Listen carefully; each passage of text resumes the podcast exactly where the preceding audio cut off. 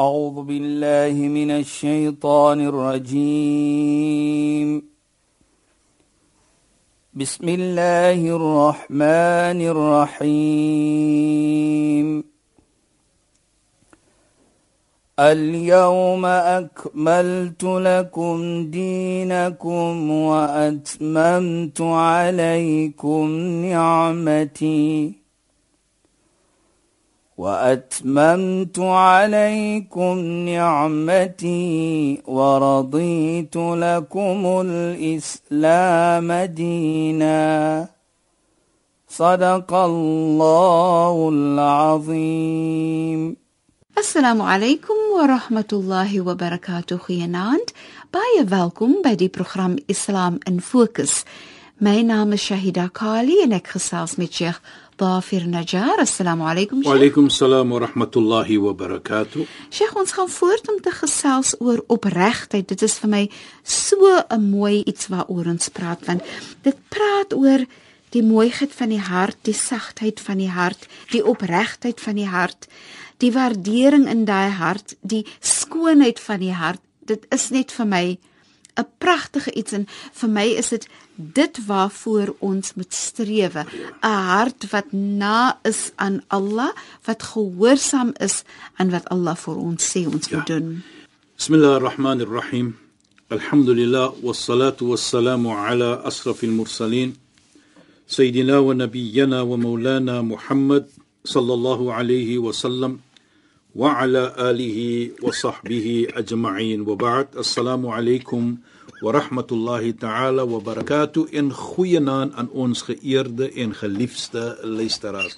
Nou ja, Shaida verlede week en luisteraars het ons opgehou om te praat as daar iets verkeerd is, as ons sien persoon doen verkeerd, moet ons dit op 'n mooi manier ons praat mooi met die persoon. Ons gaan nie net vir hom sê iets wat vir hom seer maak nie alhoewel hy verkeerd is nie. En ons het 'n voorbeeld geneem van die klein kinders van die heilige profeet by die naam van Sayyidina Hassan en Sayyidina Hussein.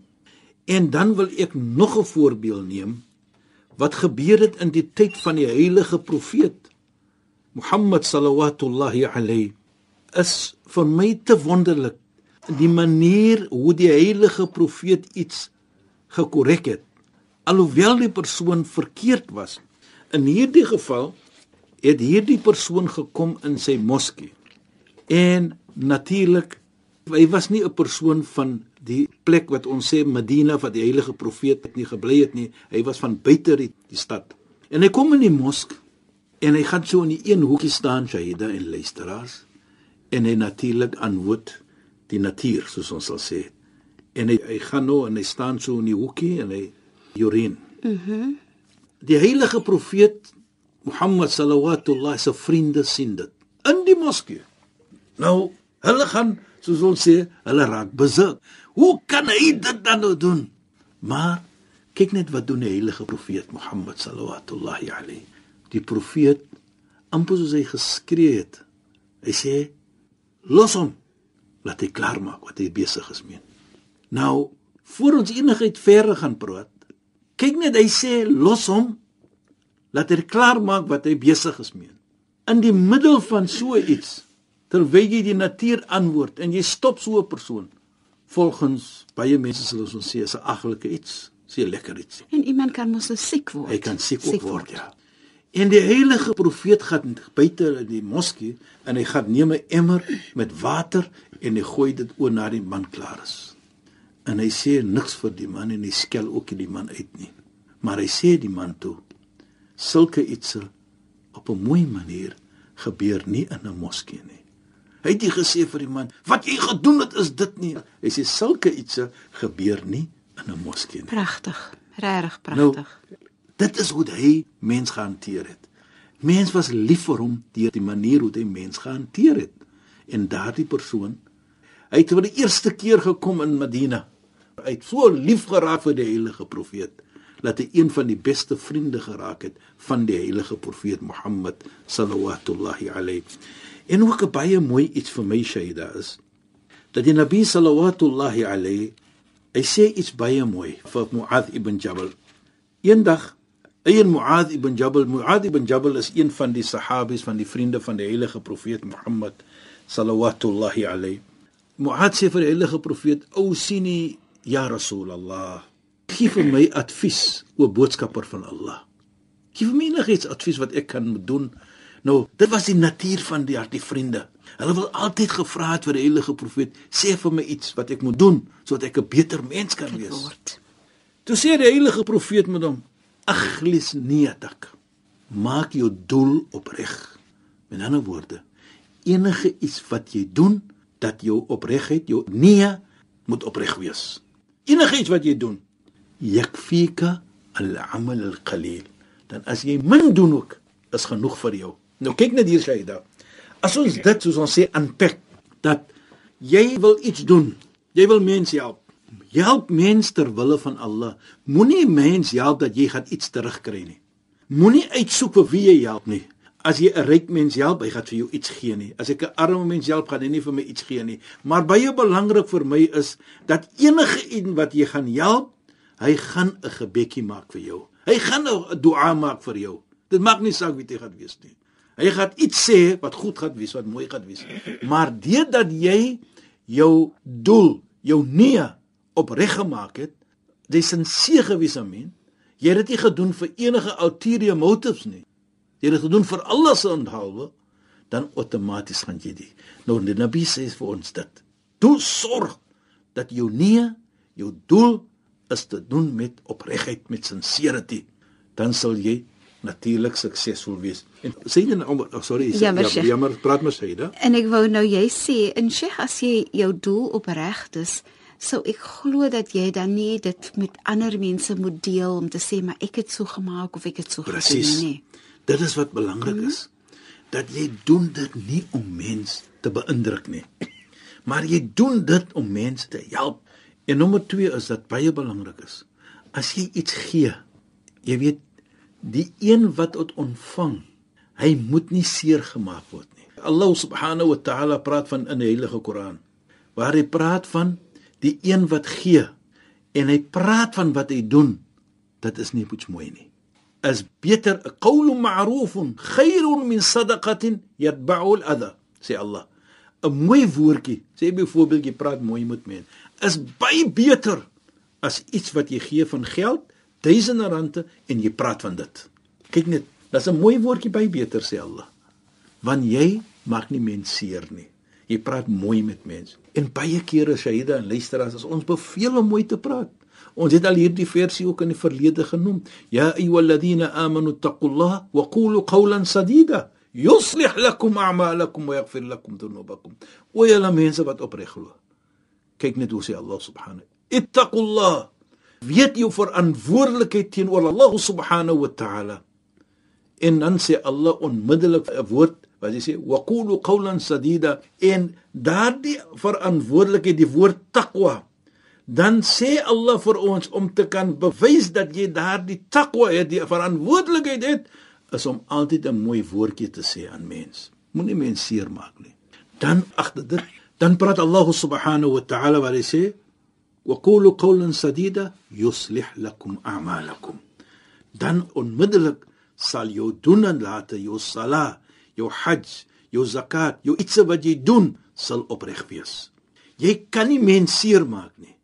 Jy kan nie mens knou nie op 'n lelike manier nie en dan glo jy nog jou sala is reg nie. Kyk net wat sê Allah ook op die sala, inna salata tan'a 'anil fakhsha'i wal munkar.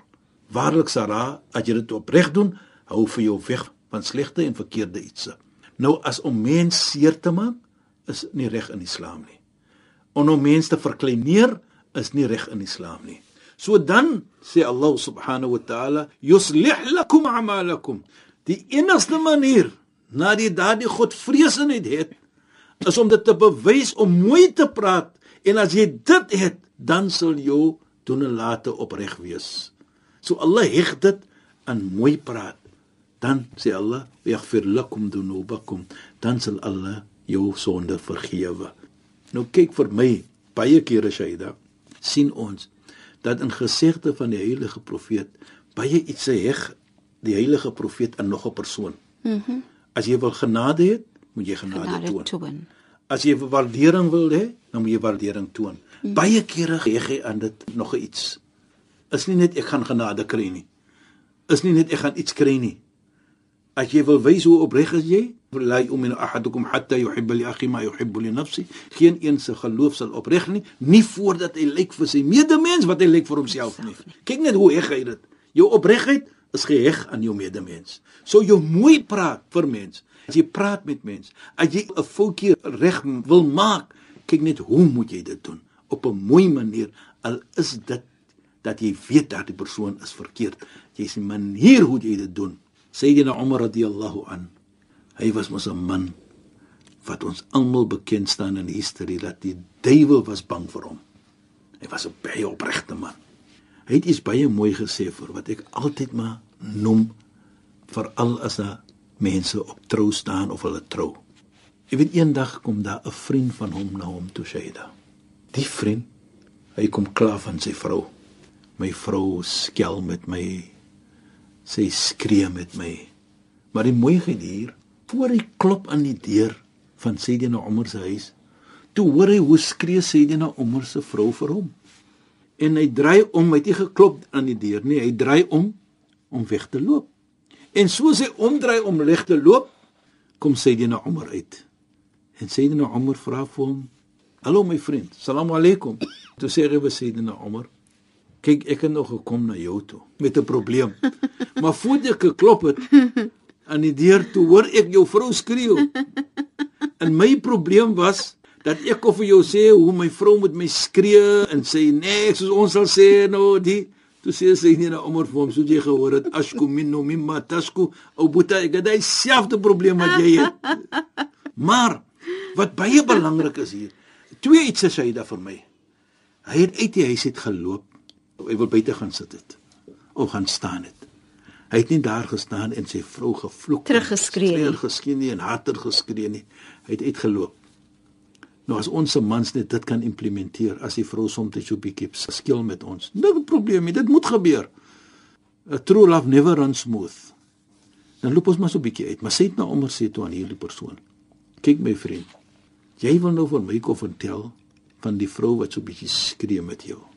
Maar laat ons almal net kyk aan die goeie ietsie van ons vrouens. Daar is so baie. Nou wil jy vir my nou vertel van een klein dingetjie. Jy maak van 'n biggie 'n olifant nou. So kyk net hoe hy dit behandel op 'n mooi manier.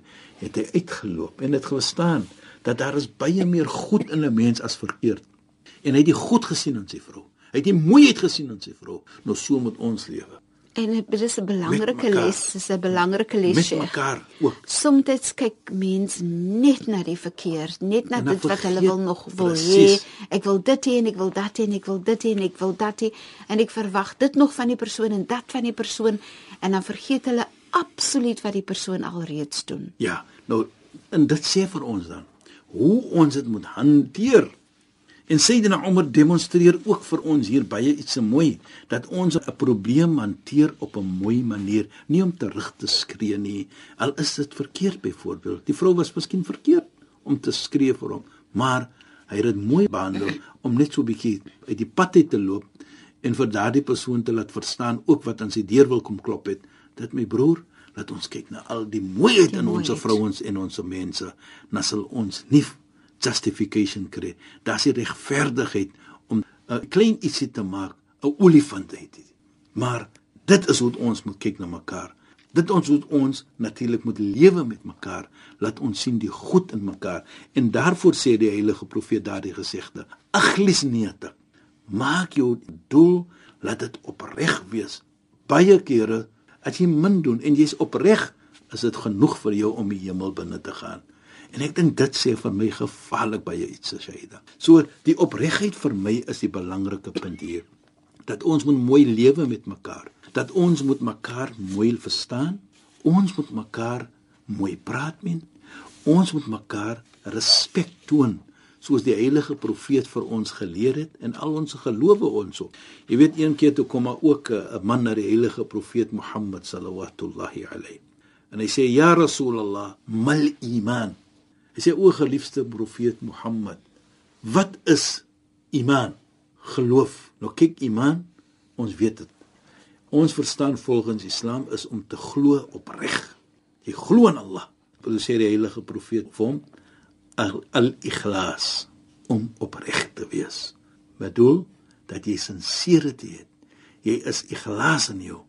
Alles wat jy doen, jy doen dit met 'n mooiheid. Jy doen dit met opregtheid.